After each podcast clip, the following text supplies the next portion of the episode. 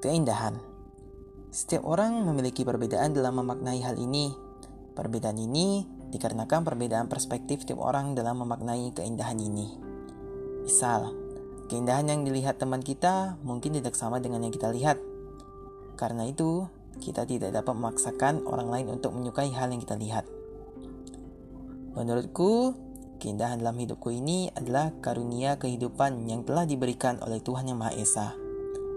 Hal ini sangat jelas.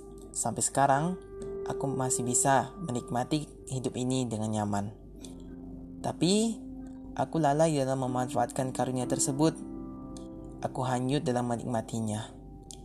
Seharusnya, aku bisa memanfaatkan karunia ini dengan sebaik-baiknya agar menjadi orang yang bersyukur atas nikmat yang telah diberikan Tuhan.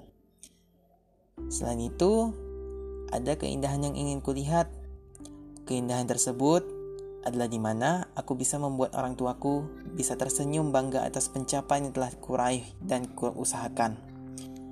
Memang, hal ini masih belum bisa kulakukan, tetapi aku ingin hal tersebut bisa terwujud.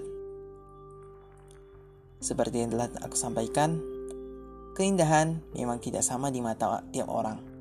Tapi, yang bisa membuat keindahan itu sama adalah dengan saling menghargai hal yang berbeda di antara kita. Dengan begitu, kehidupan ini akan jauh lebih baik dari sebelumnya.